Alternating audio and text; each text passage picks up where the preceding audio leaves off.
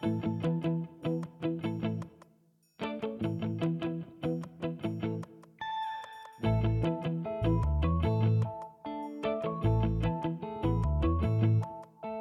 Women Peloton Podcast.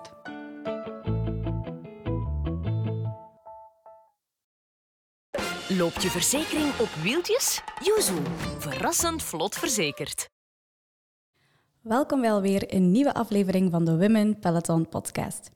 Vandaag heb ik een ondernemende en uiterst sportieve mama te gast in mijn podcast. Sommigen van jullie zullen haar al kennen als de Pilatescoach binnen de Women Peloton, maar voor degenen die haar nog niet kennen, stel ik ze graag nog kort even voor. Els Taloen combineert een job als docent bij de UCLL met hun sportieve zaak, de Extra Mile, die ze recent heeft opgericht met haar man. Daar is Els vooral druk bezig achter de schermen en kan je haar enkele keren in de week in de zaal vinden wanneer ze gepassioneerd haar lessen Pilates geeft. Daarnaast loopt Els ook nog een behoorlijk aantal kilometers per jaar en zit ze ook af en toe op de fiets. Oh ja, en Els heeft ook nog een superlieve tweeling thuis die de nodige aandacht vraagt. Welkom Els. Goedemorgen Elke. Hoe dat je dat allemaal regelt en allemaal aanpakt, daar komen we straks nog op terug. Maar eerst even kaderen waar dat we zitten. We zitten net in jullie nieuwe zaak in een kabinet. Jullie hebben de Extra Mile. Kan je eventjes uitleggen wat jullie hier allemaal doen? Ja, klopt. Um, we zitten in het kabinet van een van de kinesisten.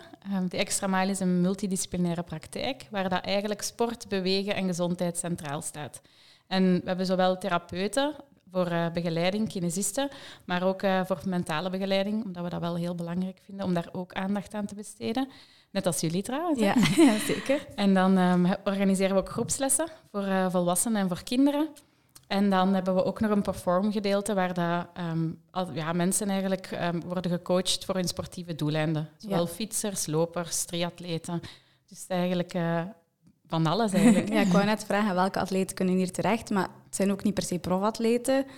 Het is echt van ieder niveau, iedereen die iets wil bereiken op sportief vlak, die kan hier terecht. Ja, iedereen eigenlijk duursporters ja. vooral. Hè. Mensen ja. die bijvoorbeeld een marathon willen lopen, een snellere 10 kilometer of een snellere 5 kilometer, een 10 miles of een triathlon, eerste ja. triathlon.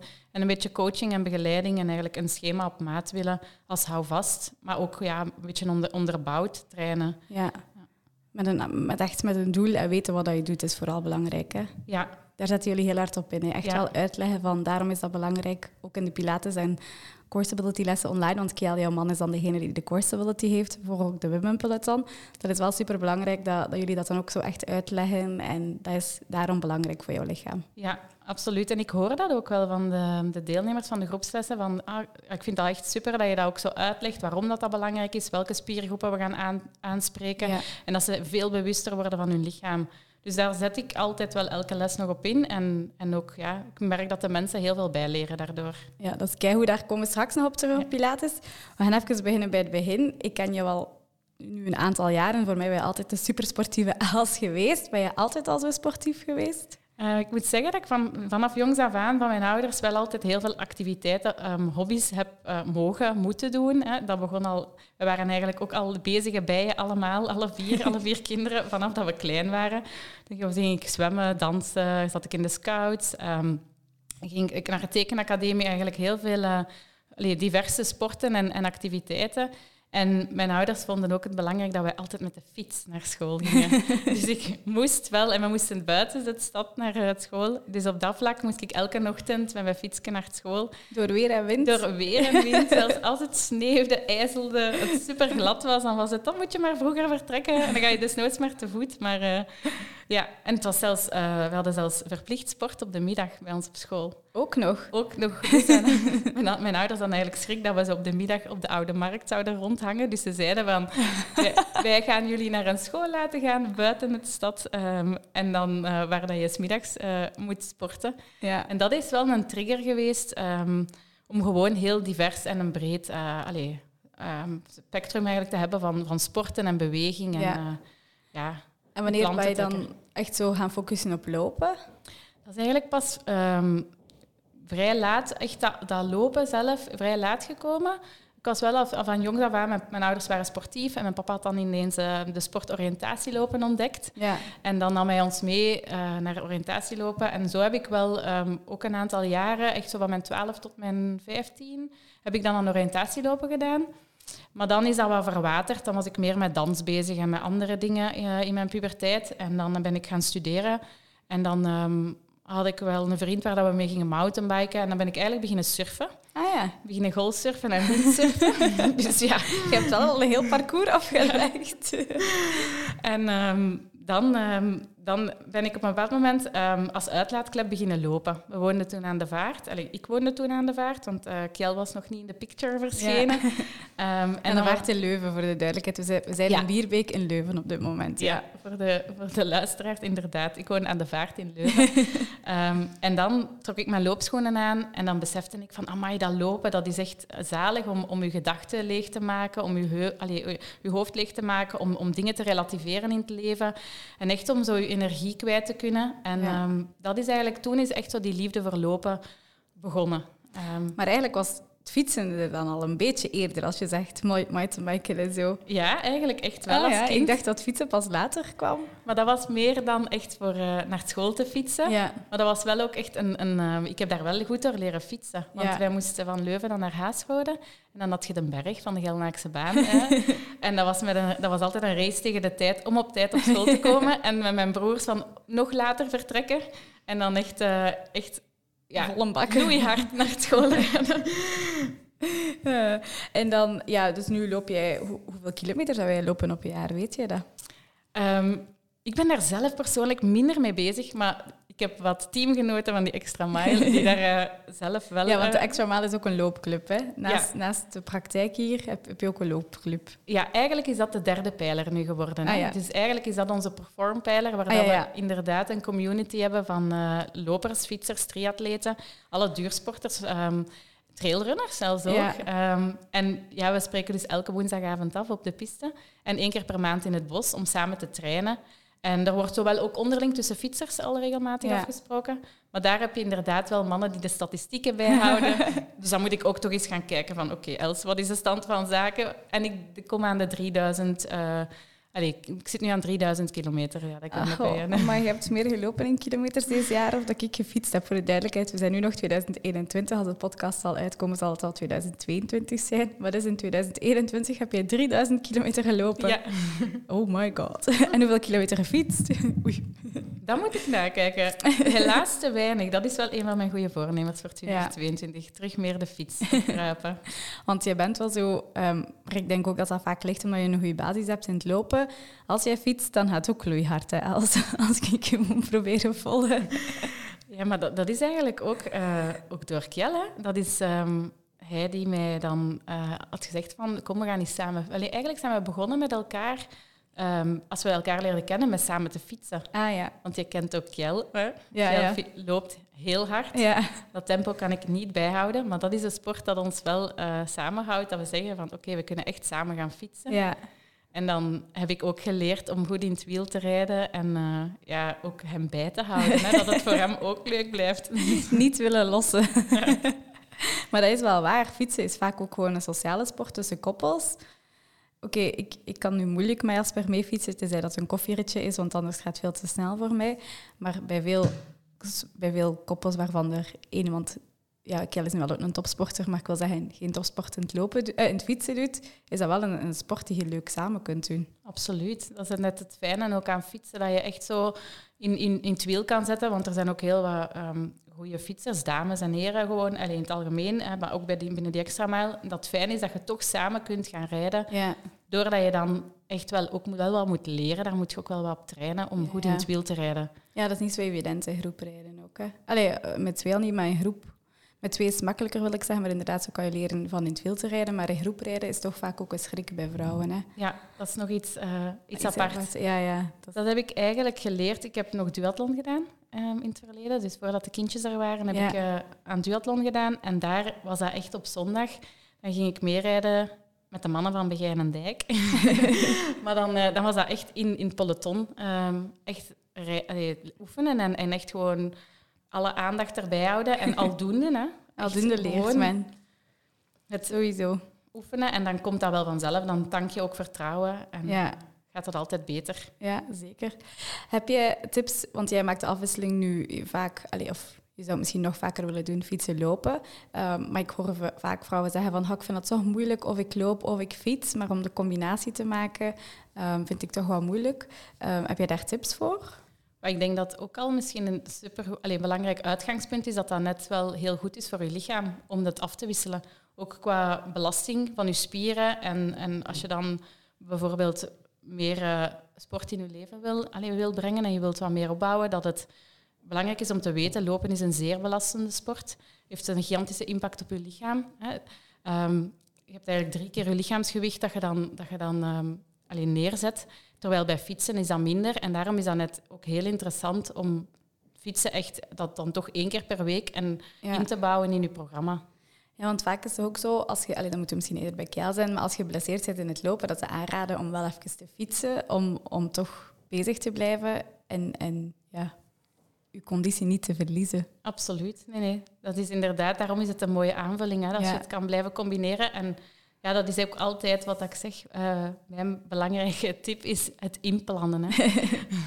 Daar komen we straks op terug, hoe dat je dat allemaal inpakt. Want Els is ook een zeer vroege vogel. Dat kan ik nu al zeggen. um, ja, ik haalde het ook al aan in de intro. Jij bent enkele jaren terug mama geworden van een superschattige tweeling, twee meisjes. Maar dat ging niet altijd even vlot. Dat is een redelijk zware periode geweest. Dat waren niet zo goede slapers ook. Nee, ook al. Ja, ook al. eigenlijk al, het is um, moeilijk gestart. Ja. De meisjes zijn heel vroeg geboren, um, op 29 weken. Dus dat was um, niet gemakkelijk. Nee. Want uh, dat was ook niet voorzien. Kelly zat trouwens net op het vliegtuig. Ah, echt? Dus, ah, ik weet dat zelfs niet. Ja, dus dat was een vrijdag, uh, ik weet het nog heel goed. Mijn papa stond aan de deur om Kiel te brengen naar Charleroi, naar de luchthaven. En ik had die nacht um, heel veel pijn gehad en, en heel slecht geslapen. En ik zeg, ja, ik ga ja, op een of andere manier als vrouw, als je zwanger bent en je voelt je slecht, dan, dan kruipt je onder de douche om denken van die pijn van je af te spoelen. En ik dacht, zei tegen Kjell van ja, ik ga toch eens voor de zekerheid naar het ziekenhuis gaan. En Kjell zei, oké, ik ben zondag terug. Hè. Dus hij vertrok vrijdag en hij moest de marathon uh, pacen tempo maken voor de, voor de eerste dames op de marathon. En hij vertrok naar Rabat. En um, ehm, Kjell vertrok dan naar de luchthaven. Ik ging naar het ziekenhuis. En dan ben ik daar eigenlijk niet meer kunnen vertrekken. Ze hebben mij dan direct um, longrijping gegeven voor de meisjes, um, ehm, weerremmers gegeven, aan baksters gelegd dus en platgelegd in bed. en de weeën opgevolgd. En dan... ik, ik wou dat niet aanvaarden. Hè. Ik, ik dacht, nee, de meisjes allee, die moeten zo lang mogelijk in mijn buik blijven. Ik wil er alles aan doen dat die dat ze nog niet geboren worden. En dan um, belde ik Jel van, is alles oké? Want ja, ja, ik ben hier op de, op de vlieger, hè. ik ga vertrekken. En dan zei ik, ja, ja, maar ik, allee, ga maar, ga maar. We oh, zien elkaar zondag. Hè. Dat komt allemaal wel goed. Hè. Ik rek dat wel. Hè. Dat komt in orde. Um, en ook mijn gynaecoloog, die, die, was er toen, maar zij zei van ja, ik, um, ik vertrek op weekend, hè, zondag ben ik terug. Ik dacht, ja, maar ja, zo geen probleem. Hè. Ik echt in mijn hoofd van nee, oh, de meisjes blijven zitten. En dan hebben toch de gynaecologen de telefoon overgenomen, ook van Kjell, en gezegd van ik denk dat het belangrijk is dat je nu van die vlieger stapt en dat je nu terug naar huis komt. Um, ja. En dan... Maar die was niet vertrokken, gelukkig. Hij was, hij was er nog. Nee, de vlieger oh. stond er nog. Ah, dus ja. hij was echt wel op tijd. Uh, ja dat hij... Um, dat ze hem dan, en ze hebben hem dan ook... Ik durfde het zelf niet goed en ik dacht van ja, oké, ik kan toch nu niet zelf de beslissing maken dat hij nu niet kan vertrekken. Maar dan was het toch de juiste beslissing, want dan uh, zijn de meisjes die een nacht geboren. Ja. En hoe was dat voor jou dan? Zo onverwacht, zo, zo machteloos ook op een, op een bepaald moment? Ja, um, dat was heel moeilijk, omdat um, ja, ze zijn ook blijkbaar wel verplicht vanuit... Uh, neonatologie, dan komen ze ook vertellen van, ja, kijk, als de meisjes nu geboren worden, dat zijn de consequenties. Ehm, wat er de, allee, hoe dat de meisjes er, um, in welke toestand dat ze dan zijn, omdat de longen eigenlijk cruciaal, de ontwikkeling van de longen is dan echt um, een cruciale periode. En ja, die longrijping, eigenlijk moet je nog 24 uur tot 48 uur, moet dat eigenlijk nog zijn werk kunnen doen. En ja, dat was dan wat te laat eigenlijk. en ja, dan nou, zei, zei, we waren eigenlijk wel in paniek. Ja, dat weet ik nog heel goed. Dat um, Kjell en ik echt ehm, heel hard gehuild hebben na dat gesprek. Dat wij, ja, dat is niet het scenario waar dat je op gehoopt hebt. Um, ik weet er nog uh, dat Pieter Jan Hannes stond daar dan ineens. Die de Peter. de Peter van Emma stond dan ineens daar aan de deur. Um, die had zich daar ook naar binnen gevrongen. Van, uh, ik moet Kjell zien. En dan uh, om ons te steunen. Ja, um, krijg je kippen wel van.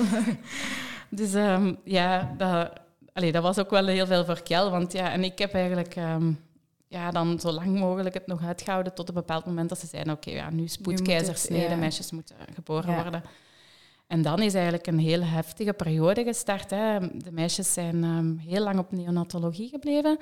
Twee, allee, twee maanden Marten en Emma nog twee maanden en een half, dus nog zelfs langer. Ehm, en dan ben ik eigenlijk continu daar geweest. Ik, ben Ja. eigenlijk, eh, ik had daarover gelezen. Ik had gelezen dat je als je gaat kangourooien, als je kinderen dus Ja. skin to skin, huid op huid contact ehm, doet, dat dat eigenlijk de hersenen stimuleert, ook ehm, verder ontwikkeling van de organen, ehm, het kind tot rust brengt. Dat het, en dan dacht van ja, dat is het allerbelangrijkste wat ik nu kan doen. Ja. En ehm, dus daar heb ik massaal op ingezet om eh, elke dag eh, bij de meisjes te zijn en te Ja. kangoeroeën. En dan, Dan moet het een heel heftige periode geweest zijn. Hè? Ook voor uw lichaam, voor uzelf. Je offert eigenlijk alles op ja, op dat moment voor uw kindjes. ja, en eigenlijk denk je daar niet, dat is, en je denkt daar bijna niet over na, je doet dat gewoon als mama. Hè. De- Nee. Ja. Je, allee, alles in het belang van de kinderen. En, en, maar het is inderdaad wel, wel heel heftig, want dan ehm, bijvoorbeeld als vrouw, ik wou dan borstvoeding geven. Uw kinderen ehm, zijn te vroeg geboren, dus ook die ontwikkeling ehm, van, die, van die borstmelk, ja, dat is niet voldoende. Ook niet voor een tweeling. Ja. De meisjes zijn dan s'nachts niet bij u, want die gaat naar huis. Die blijven dan in het ziekenhuis. Dus die melkproductie, dat is niet optimaal. En ja, dat heeft mij wel wat frust. Tot, ik wou dan echt heel halsterk daaraan vasthouden om toch Ja. ehm, zoveel mogelijk eh, ja, toch eh, borstvoedingsmelk Ja. aan hun te geven. Ehm, en daar heb ik eigenlijk wel mezelf wel in een bepaald moment iets te veel in verloren. Dat ik zo heb beseft op een bepaald moment in de zomer van oké, nu is het genoeg geweest. Els, denk, allee, je lichaam, je bent jezelf hier aan het uitputten. Ehm, geef de meisjes veel liefde en aandacht. En ze hebben het toch een aantal maanden gehad. En nu is het genoeg geweest. Ja. En, eh, ja. En wat deed je dat zo? Ja, want je bent altijd sportief geweest. Ik kan me voorstellen dat, dat die, die weken sport het laatste on your mind was. Had je dan ook wel nog wat me-time of hoe probeerde jij op te laden tussendoor? Ik heb, ehm, moet zeggen dat voor Kel en mij ehm, sporten, wij hebben dat altijd wel voor elkaar. ehm, als, wij blijven dat nog altijd, ook Ja. al zijn we heel druk bezig met onze zaak. Dat is voor ons prioriteit. We hebben daar ten opzichte van elkaar heel veel begrip voor. Ook als Kel naar het buitenland moest voor wedstrijden. Ik heb hem daar eigenlijk nooit moeilijk over gedaan. Ja. Of, of ook nu als, als iemand moet gaan trainen. Wij proberen echt voor elkaar te zorgen van oké, wanneer ga jij? Ehm, we wisselen elkaar af. En dat er dan iemand bij de kindjes is. En toen ook, dat was eigenlijk echt ehm, het moment dat we alles konden relativeren, wat ik zei. Dat je echt die uitlaatklep dat je dan hebt, terug een boost kan krijgen van energie. En ook heel veel leert te relativeren. Doordat Ja. je dan ook die stoffen dat vrijkomen met het sporten, dat je dat, dat, ik ervaar dat zelf enorm. Ja, Dat ik ja, nadien echt kan zeggen van, ah, het is toch allemaal niet zo erg, wanneer maak ik mij zo druk? Of gewoon terug nieuwe moed om het leven terug wat mooier te even zijn. Ja. gewoon, ja.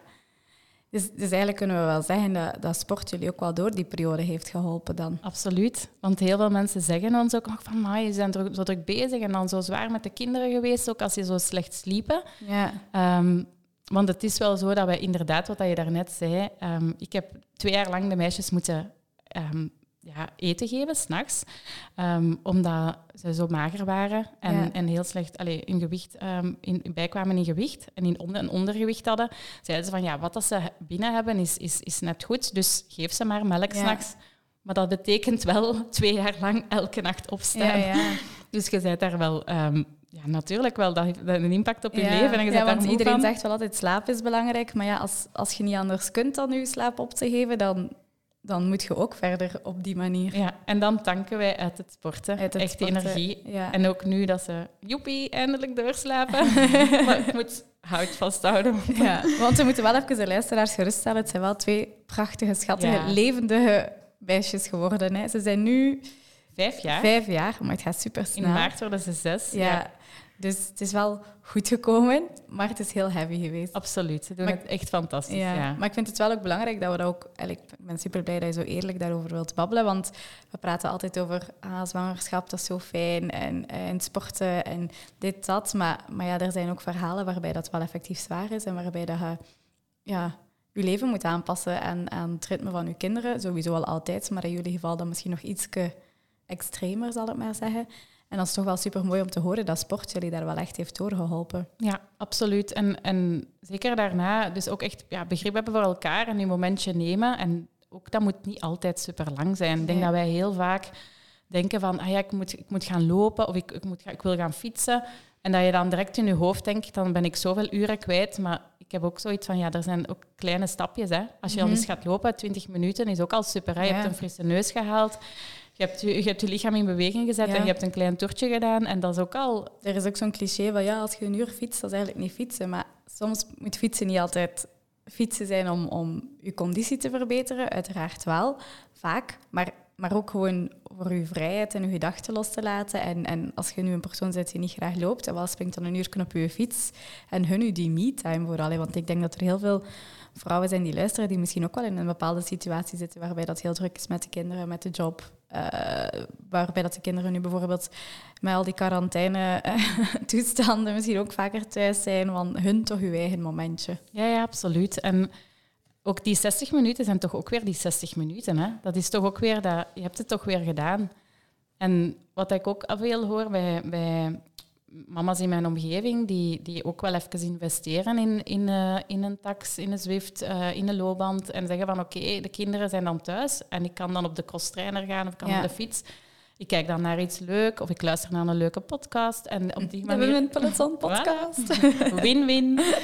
maar ehm, op die manier dat je toch probeer daar ook, allee, probeer daar ook soms in te investeren. Ook voor jezelf, voor je gezondheid, voor je mentaal welzijn, maar ook voor je fysiek welzijn. Ik denk dat dat kleine dingen zijn, maar dat, dat we daar soms niet bij stilstaan dat er wel oplossingen zijn. Nee. nee, want mensen investeren heel snel in andere zaken die hun, eh, moet ik dat zeggen, die bijvoorbeeld hun leven kwaliteitsvoller maken. Maar sport, daar mag ook in geïnvesteerd worden, effectief. Ik vind dat een supergoeie tip wat je zegt, van investeer misschien in een tax of in, of in een of rollen of whatever. Maar dan kun je binnenshuis met je kindjes sporten zonder ver weg te moeten zijn en je hebt toch even een uur sport gehad. Ja, ja, absoluut. Want het is like dat je zegt, eh, zo denk ik er ook over. Laat dan een keer ehm, iets anders achterwege. Hè. Kijk eens, als je zegt van ja, ik moet echt op mijn budget letten. Kijk dan eens van oké, waar gaat mijn geld naartoe? Ah, misschien kan ik misschien eens iets overslaan waar dat ik anders zou aankopen. Ja. Van, ik weet het niet. Hè. Van, van, Dat leuke kleedje deze, ja, dit- deze kleden, niet. kledij, een paar schoenen. ehm, Ja, ja, ja, ja. En uiteindelijk, als je binnen op de rollen fietst, heb je ook minder fietskledij nodig. Want je hebt Ja. niet zo'n dikke... Allee, je hebt, als het in de winter is, heb je enkel gewoon een broek. En ik draag dan vaak gewoon een onderlijfje, dat ik zo zeg. Maar hoe noemt dat nu? Een base layer. Ehm, dus je kunt compenseren. ja, absoluut. Nu ben ik wel benieuwd, Els. Hoe ziet uw week er zo uit? Neem ons een keer door een week van Els Taloen. Want ja, het is veel, hè? Dat klopt. Ik, heb, ehm, ik ben sinds september, eigenlijk sinds september, ben ik aan de hogeschool ehm, een beetje verminderd in percentage naar een 65 procent. En op die manier is er ehm, iets meer ruimte vrijgekomen ook voor in die extra mile. Dus dat betekent dat ik eigenlijk ja, drie dagen per week voor UCLL aan de slag ben en dan twee dagen per week echt probeer in te zetten op die extra mile. Ja. En het is eigenlijk zo dat ik probeer mijn week heel goed te plannen. Ehm, dat ik ook echt eh, ja, op voorhand, op zondagavond of op vrijdag de week voordien, echt eens ga kijken van oké, hoe ziet de week eruit? Eh, wanneer moet ik lesgeven? Wanneer heb ik vergaderingen voor UCLL? Eh, wanneer heb ik hier vergaderingen binnen die extra mijl? Ja, mijn pilatesuren, die liggen vast natuurlijk. Ja. Die staan er vast in. Maar wat ik sowieso doe, is op voorhand echt mijn, mijn trainingen inplannen. Ja. En als ik dan bijvoorbeeld probeer het dan overdag te doen in een middagpauze of 's ochtends vroeg. Of ehm, op woensdagavond is het al gecoverd, omdat we dan een teamtraining hebben. Ja. Maar dan stel dat ik echt eens, eh, dat het niet lukt, hè, dat, het, dat ik merk van oei, maandag en dinsdag zijn heel druk en ik wil toch nog lopen, ja, dan stem ik even met Kjell af van... Is het oké als ik de wekker eens eh, goed vroeg zet en dat ik mijn training dan uh, allee, En wat is doe? goed vroeg? Om zes uur of om zes uur dertig, dus dat valt goed dat mee. valt nog wel mee, ja. Maar het is, bij ons is wel... ehm ja, Kjell is ook druk bezig in de praktijk. ehm, en wat dat we wel proberen doen samen, is samen ontbijten. ja. En dat is wel zo'n beetje het gezinsmomentje waar dat we aandacht aan besteden, dat we samen echt eten. En daarom moet ik daarmee een beetje rekening houden van... Als je vroeger opstaat of niet. Ja, Ja, ja oké, dat snap ik. Want jij hebt ook heel vaak met Tine. eh Tine is de sportpsychologe van, eh, van bij ons, van bij de Women Peloton. Werkt ook bij de Extra Mile als eh, sportpsycholoog. En, wacht, wat is haar officiële titel nu weer? Tine is sport- en prestatiepsycholoog. Prestatiepsycholoog. Ik kon niet op prestatie, kom ik wel performance eh, zijn, wat dat zelfs is. Ehm, en jullie lopen dan ook vaak samen, hè? wel in de ochtend. Ja. klopt. Op donderdagochtend hebben wij ons vast momentje. Ja. En dat is eigenlijk ja, dat is super fijn, omdat je weet van oké, op donderdag is eh, ons uurtje samen dat we gaan lopen, ons babbeltje doen. En ook als het nu zo echt heel koud is of het regent, dat het giet, je weet gewoon van nee, Tine staat er, El staat er, we rekenen op elkaar. Ja. En, eh, en dat is ook weer die extra houvast, hè, dat je zegt van ehm, als je zo tips zou willen van, om te sporten, ja, zoek ook wel een buddy. Zoek iemand waar dat je mee kan afspreken Ja. om een keer zowel je verhaal te doen, om je hart te luchten, maar ook gewoon om elkaar ja, te triggeren van oké, we spreken af, we gaan fietsen. We gaan, allee, Ja. Nu natuurlijk wel, ik vind het wel een moeilijk in de winter zo toch dus vroeg gaan fietsen ah, met een licht op. Ik vind dat toch wel wat gevaarlijk. Op de rollen, hè, Elke? Op de rollen, op de rollen ja, een online meeting, dat kan zeker. Dat, kan, dat is nog een goed idee. Zullen we een keer meeten op de rollen? Ja? We gaan dat doen. We gaan. Introduceren. Ehm, maar ja, ik heb het eigenlijk al een beetje beantwoord mijn volgende vraag. Want ik wou zeggen, wat doe je op dagen als je merkt van... Oké, mijn planning loopt eigenlijk volledig in het honderd. Daar zullen ook zo'n dagen zijn. Hè. Planning maken is, is, is fijn, maar het lukt niet altijd. Hoe, hoe pak je zo'n dagen aan dan? Ja, ook leren loslaten is een hele belangrijke. En, en ehm, ja, ook geleerd de laatste jaren. En ook ja, dankzij mijn coach dan geleerd, ehm Kjell dan, ehm, dat je ja, soms je niet opjagen en oké aanvaarden van oké, die training kan ik niet doen. Dat is het einde van de wereld niet. Kijk dan ook, ook bijvoorbeeld als je voelt dat je kwaaltjes hebt of pijntjes hebt, moet je ook soms gewoon leren en durven zeggen van ik ga vandaag niet trainen. Ja. Ik ga die rust nemen. En dat is wel iets dat ik echt geleerd heb. Ehm, ik, dat is moeilijk, maar dat is... eh, want ik, ik wil heel graag altijd mijn, mijn, mijn planning en mijn schema naleven. Maar ehm, bijvoorbeeld, onlangs hebben we de marathon gelopen. En dan had ik ook ehm, eh, last aan mijn, eh, aan, aan mijn been gekregen. En dan heb ik ook oké beslist van oké, we gaan hier een aantal trainingen skippen. En uiteindelijk is dat dan nog de beste beslissing Ja. geweest, want ik was uitgerust. Super uitrust en een goede marathon gelopen. Ja. In Nice was dat? Ja. Nice kan. Ja, zeker. Dus ook wel echt je lichaam... Ja, luisteren naar je lichaam. Zoals Luisteren naar je lichaam. Ehm, dus eigenlijk ook een beetje tweeledig. Hè. Je zegt enerzijds vind ik het heel belangrijk dat je soms wat strenger bent voor jezelf en het inplanten en effectief ja, de training gewoon doet. En, en ook niet, waar, dat fout, vaak fout loopt, is dat we veel te veel beginnen denken van ga ik fietsen, ga ik niet fietsen? Je begint er eigenlijk over na te denken. Ja. Oh, ga ik die training wel doen? Oh, het is misschien toch al laat. Ehm, het is al wat donker. Oh, het, is dan, het, is, het is koud. En dat je eigenlijk te veel begint alles eh, ja, met jezelf te discussiëren. Ja.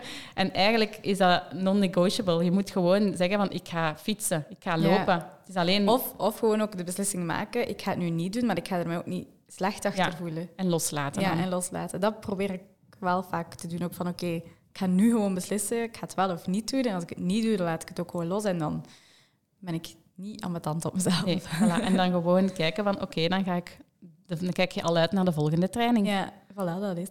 Pilates is ook heel belangrijk in jouw leven. Heel, je bent er heel gepassioneerd door. Ik heb eh, nog maar zelden zo weinig instructrices of pilatescoaches zo zien fonkelen als het woordje pilates voorkomt, zoals nu. Ehm, van waar komt de passie voor pilates? Ehm, door zelf eh, te beoefenen. Ehm, eigenlijk Want ja, je hebt yoga, je hebt gewone core stability, je hebt pilates, je hebt dan nog zoveel verschillende vormen. Maar bij jou is het wel echt specifiek pilates dat jou zo... Ja, dat klopt. Echt. Ja, mijn liefde ligt echt bij Pilates.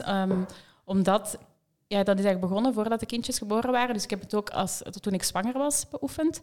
En ja, de, de Pilates heeft een aantal principes waar dat ik me echt in kan vinden. Dus ehm, bijvoorbeeld in Pilates ga je echt werken op eh, lenigheid, souplesse, controle, stabiliteit. En daar zit, als je Pilates een, een, ehm, en het begint te beoefenen en je raakt er een beetje getraind in, kom je in een flow terecht. En ik vind dat zalig. Dus dat is ook eigenlijk waar dat ik nu naar streef echt in mijn lessen, is dat je een aaneenschakeling van oefeningen doet, dat je in een flow geraakt, de ene oefening naar de andere, en dat je ook niet de kans hebt door, door, om aan andere dingen te denken. Dus ik heb bijvoorbeeld na een, ehm, een uur Pilates dat ik heb lesgegeven, is mijn geest ook helemaal verlicht. Ja, En niet alleen door de ademhaling dat je moet toepassen, want dat is in Pilates ook super belangrijk. is echt een goede ademhalingstechniek, het aanleren en benutten. Die gaan er ook voor zorgen dat je je spieren leert ontspannen, je spieren van zuurstof voorziet, maar ook je geest leert verlichten. En dan heb je zo die focus op die oefeningen. En door dan je aandacht daaraan naartoe te laten gaan, kom ik echt eigenlijk, om heel eerlijk te zijn, als een andere mens uit een, uh, Ja. een uur Pilates. En waarom is Pilates of core stability? Ja, van half uur. Eh, waarom is Pilates core stability allemaal zo belangrijk om je powerhouse of je, of je core te, te versterken? Wat, wat is daar belangrijk voor als vrouw, als sporter? Want ja, ja, in Pilates, je zegt nu powerhouse. Inderdaad, in Pilates spreken we van powerhouse. Ehm, dat is eigenlijk je core. Hè. Ehm, dat bestaat, misschien even voor de luisteraars, dat bestaat uit je middenrif, je buikspieren, je bekkenbodemspieren en je rugspieren. Ja. En dat gaan we dus versterken in Pilates. En ehm, waarom is dat zo belangrijk? Ja, fietsen is één ding. Hè. Maar het is niet omdat je op de fiets kan zitten en je benen kan ronddraaien, dat je dan ook effectief ja, een goede fietser bent of echt allee, vooruit gaat buiten. gebruikt, Ja. ja. Het is heel belangrijk om op de fiets ook heel stabiel te zitten. En ook echt ehm, mooi op je fiets te zitten en niet heen en weer te schodderen, maar echt een, een, een stabiel eh, lichaam te hebben en, en een sterk lichaam. En je gaat eigenlijk dankzij Pilates en core stability ga je blessures vermijden. Je gaat een krachtiger lichaam eh, opbouwen. Je gaat ook op die manier, wat ik heel hard heb gemerkt de laatste jaren, is dat ik dankzij mijn Pilates nooit meer rugklachten heb. Een heel goede doorbloeding ook in mijn benen. Geen, Ja. geen last meer van zware benen. Terwijl ik dat vroeger wel Ja. had. Dat is ook bij ons wel erfelijk eh, in de familie. En dankzij die Pilates heb ik een heel goede doorbloeding. Ik heb nooit meer rugklachten. Ik heb geen blessures meer. Ehm, tenzij dat ik bij vlak voor de marathon een domme keuze maakte om een nieuwe loopschoenen 30 kilometer ineens te lopen. Dus dat is Dat zijn beginnersfouten. Ehm, maar dus, ehm, ik wil maar zeggen, ja, het is heel belangrijk, ook als je dan meer gaat fietsen, je wilt beter worden, je wilt sneller worden, hetzelfde in lopen, je houding eh, is cruciaal Ja. ehm, bij beide sporten. En je gaat ook veel beter kunnen kasseien eh, overrijden, door modderstroken rijden, hellingen nemen. Je gaat veel meer kracht kunnen uitoefenen. En ja, dat is... eh, allee, Dat is noodzakelijk. Ja.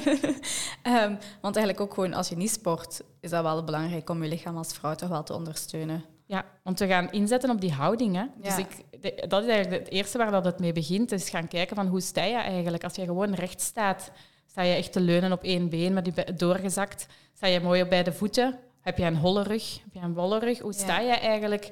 Ehm, dat je echt al leert je houding aan te passen. En dat is voor iedereen belangrijk. En dan los daarvan, dat ik ook al zei, ehm, niet alleen voor het sporten, maar dan als je geen rugklachten meer wil hebben, als je merkt van oh, ik ja, lang bureauwerk en altijd thuis nu achter de computer en ik heb echt last van Ja. mijn rug, begin dan al eens met die, met die core stability Ja. of pilates en je gaat echt wel eh, het verschil merken. Wat ik nu ook zo tof vind, is, ehm, nu dat ik Pilates beter heb leren kennen door jou, ehm, is dat ik 's ochtends altijd tien minuutjes de tijd neem als ik opsta om zo gewoon wat, bij mij is dat dan mix yoga, Pilates, maar er komt veel wat yoga terug in Pilates ook. Ja. Zo tien minuutjes gewoon, ik heb zo mijn eigen flowke gemaakt van oefeningen en dat ik zo even om wakker te worden, het 's ochtends zo nog niet naar mijn gsm kijk, ik sta gewoon op, doe die, doe die tien minuutjes en ik ben een heel ander persoon. Als ik dat niet doe, dan merk ik dat echt al. Ik ben al zo gewoon nu ondertussen dat ik zo lastig word als ik zo niet mijn ochtendoefeningsjes heb gedaan. Maar ja, dat is schitterend, Elke, want ik denk, dat is ook weer onze verkeerde perceptie. Wij denken altijd dat het lang moet. Daarom is het ook zo fijn dat jullie zeggen van we hebben sessies van 30 minuten. Ja. En denk dat jij nu ook al zegt van kijk, op 10 minuten kan ik mijn, mijn, mezelf, mijn lichaam soepel maken, eh, in beweging brengen, s ochtends na een nacht slapen. Hè, want je lichaam heeft stilgelegen, die doorbloeding is nog niet op gang, die spieren ehm, hebben gerust. Ja. En dat je dan eigenlijk dat activeert. En ook je geest, je gaat bewust je ademhaling erbij nemen. Dan ga je ook merken dat je je beter gaat voelen. Ja, ja, sowieso. Ik ga even kort schetsen voor de luisteraars die nog niet op onze website zijn geweest. Bij ons kan je dus ook eh, in het jaar 2022, nu was het de eerste keer in 2021 dat we een tiendelige reeks hadden met Els, met Kiel, Core Stability en Pilates. Telkens 30 minuutjes, omdat we ervan overtuigd zijn dat niet iedereen de tijd heeft om een uur lang. Plus, ik denk ook als je individueel 30 minuten Pilates doet, dat dat vaak even intensief is als een uur in groep, omdat je dan toch minder die, die hoe noemde dat, die distractie, die afleiding hebt Ja. van een groep. Ehm, dus dat niet altijd inderdaad een uur moet duren. Een 30, 30 minuten in de week, twee keer 30 minuten in de week, eh, dat al voldoende is. Plus om jullie ook wel de tools te geven van wat is Pilates, welke oefeningen kan ik doen, zodat, zodat onze luisteraars ook een eigen flow daar kunnen in vinden, hè, of onze members. Ehm, dus die zijn ook van, nu verkrijgbaar in de webshop. dus je kan dus al een link kunnen vinden in de show notes als jullie met Els mee op pad willen om jullie flow te ontdekken. Ja. Hopelijk kan ik de... Ik zeg dat altijd, hè. Ik, ik, mijn, mijn doel is om de Pilates-microben wat door te geven. Voilà. Ja. Bij mij, is het, bij mij is het volledig gelukt, want ik deed eigenlijk altijd eh core stability. Ik heb, uh, om te schetsen, Kiel was, is ook dan de core stability trainer van Jasper, mijn vriend. En ik heb ook altijd core stability bij Kiel gedaan. Um, ergens misschien ook wel omdat ik een beetje de perceptie had van hmm, Pilates is misschien minder ondersteunend. Maar ik heb nu wel gemerkt dat dat gelijk ondersteunend en ook zeer lastig is voor de mensen die denken dat Pilates ja, ja. lastig is. En je kunt eigenlijk heel veel oefeningen aanpassen. Ja, ja, ja, sowieso. Um, je hebt gezegd, je hebt ook Pilates blijven doen als je zwanger was. Um, ik krijg vaak de vraag van vrouwen nu, ik ben zwanger, mag ik dan wel Pilates doen? Um, wat zijn daar de richtlijnen rond? Ja, in mijn opleiding heb ik eigenlijk ook specifiek um, opleiding voor zwangerschapspilates gehad. En dan gaan we de oefeningen wat aanpassen. Dus het is zeker oké om dat te blijven doen. Je gaat gewoon oefeningen op je buik op een bepaald moment. En je buik wordt uh, natuurlijk dikker. Je kan, dan, dan is het moeilijk om op je buik en ook niet zo goed om op je buik die oefeningen te doen. Dus we kunnen perfect oefeningen aanpassen. Dan moet je gewoon eens aan de Pilates-instructeur, aan ons vragen van oké, hoe kunnen we de oefening als je zwanger bent en je wilt de reeks van de Women Peloton um, volgen, dat je gewoon eventjes contact opneemt met mij. Hè. Elke heeft dat ook heel duidelijk gezegd aan uh, wie dat zich heeft ingeschreven, dat jullie altijd jullie vragen mogen stellen. Dan passen we de oefeningen wat aan en dan geven we een beetje tips van kijk, voilà. zo pas je de oefeningen aan. Plus, we hebben ook wel het ideetje om een eventuele zwangerschapsreeks uit te werken. Hè. ik, weet niet als, ik weet niet als tegen dat de podcast er al zal uitkomen, uh, er al zal zijn, maar in 2022 hopen we dat te kunnen uitwerken. Ja, het is perfect mogelijk. En misschien nog over zwangerschap gesproken, waar ik nog, um, nog iets meegeven. Um, ik had uh, zelf, je moet ook altijd als vrouw zelf goed je lichaam voelen. Ja. Ik denk dat dat een hele belangrijke is, want ze zeggen heel vaak, je moet blijven sporten als je zwanger bent. Ik heb toen ook een beetje mijn intuïtie gevolgd en gevoeld van op een bepaald moment van ja, dat lopen, dat is toch niet meer alles. Nee, nee. Um, ik heb te veel druk, ik ga daarmee stoppen. Ja. Het is ook, onze, onze expert Hedwig Neel zegt ook, je moet niet blijven sporten, maar het wordt aanraden om te blijven bewegen ja. tijdens de zwangerschap. Hè. Je hebt al pilates blijven doen, je hebt dan niet meer gelopen, omdat dat misschien te zwaar was, maar je zit wel op een of andere manier toch nog je lichaam blijven ondersteunen, zal ik maar zeggen. En het is heel, ik denk dat het ook uh, soms persoonlijk is, hè, dat je ook moet voelen, ah, en iedereen is anders en elk lichaam is anders. En als vrouw krijg je op een bepaald moment ook wel wat signalen van je lichaam. Zeker, ja. Van oké, dit voelt niet meer juist en stam dan op tijd eens af. Ja, inderdaad. Als je niet meer kunt fietsen, wandelen, als je niet meer wilt lopen, pilates. Allee, er is altijd wel een alternatief om toch op een andere manier even je me-time moment te hebben. Ik denk dat dat ook vooral nog belangrijk blijft dan van gewoon even de tijd nemen voor je lichaam en voor jezelf. Zeker. Maar zo'n zo een positieve podcast. ik word er helemaal blij van. Ehm, wat zijn nog jouw grote dromen in het sporten? Want je hebt wel al enkele marathons gedaan. Je hebt eigenlijk al redelijk wat bereikt, vind ik toch, in je sportcarrière. Dank je. Nee, ehm, ja, ik heb twee marathons al gelopen. Ehm, ik heb ook, als ik nog duathlon deed, dat was eigenlijk wel heel tof. Um, het BK duathlon lang, allee, dat, was dan de Powerman gedaan. Dat vond ik eigenlijk geweldig. Ik, ik heb eigenlijk, ik, wat ik heel graag wil, is terug meer gaan fietsen. Maar dat is ook een beetje omdat de kindjes nog klein zijn, dat, ik, en dat we dan druk met de zaak, met de opstart van de zaak, daar wat minder tijd voor hadden. Dus dat wil ik heel graag in 2022 terug wat meer tijd maken voor uh, op de fiets. Mijn vrouwen, altijd heel plezant. Ja. Um, en dan met La Femme heb ik ook uh, veel vrouwen leren kennen op de fiets. La Femme is de fietsclub uit Leuven, uh, om ja. te schetsen. um, en dan onder de drie uur op de marathon, hè, dat wil ik heel graag nog bereiken. De, sub, de befaamde sub 3. Ja, sub 3, inderdaad. Dus daar droom ik toch nog wel van. En dan zo wel eens een fietsuitdaging, hè? want Elke, jij hebt toch ook wel uh, nog een paar spectaculaire fietsuitdagingen. ik denk van, als de kinderen wat groot zijn, wil ik toch ook ooit op de fiets uh, een keer een etappe of uh, een meerdaagse, een meerdaagse ja. doen. Ja. Zeker aan te raden. ik moet wel dringend meer beginnen trainen. inplannen, Elke. inplannen, inplannen. I know, I know. um, we zijn bijna aan het einde van onze tijd. Dan sluit ik traditiegetrouw nog altijd af met twee vragen. Waar kunnen mensen als Taloen volgen? Jullie kunnen uh, onze praktijk volgen via Instagram. En mezelf ook via Instagram kan je ons volgen. Um, we hebben ook een website, www.extramile.be. Ja.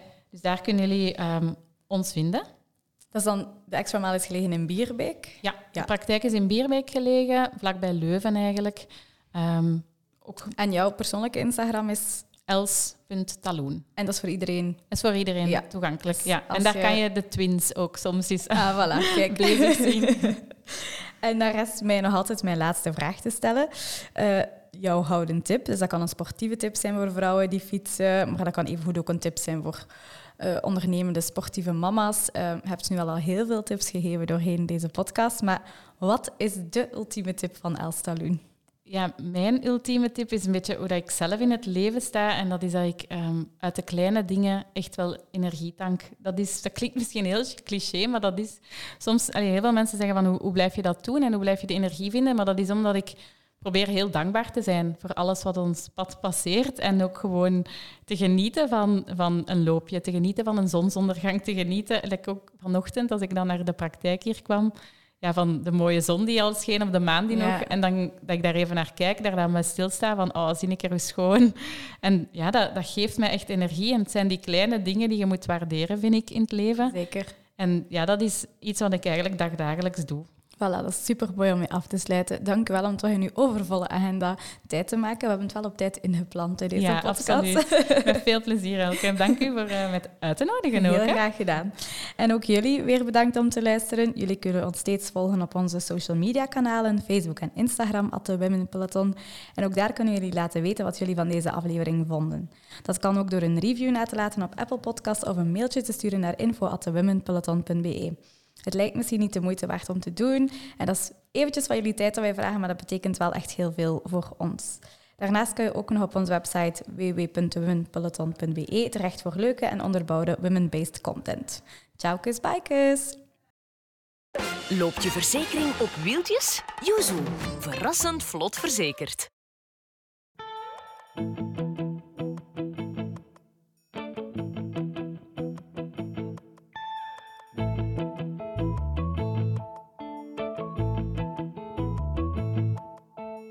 Women Peloton podcast.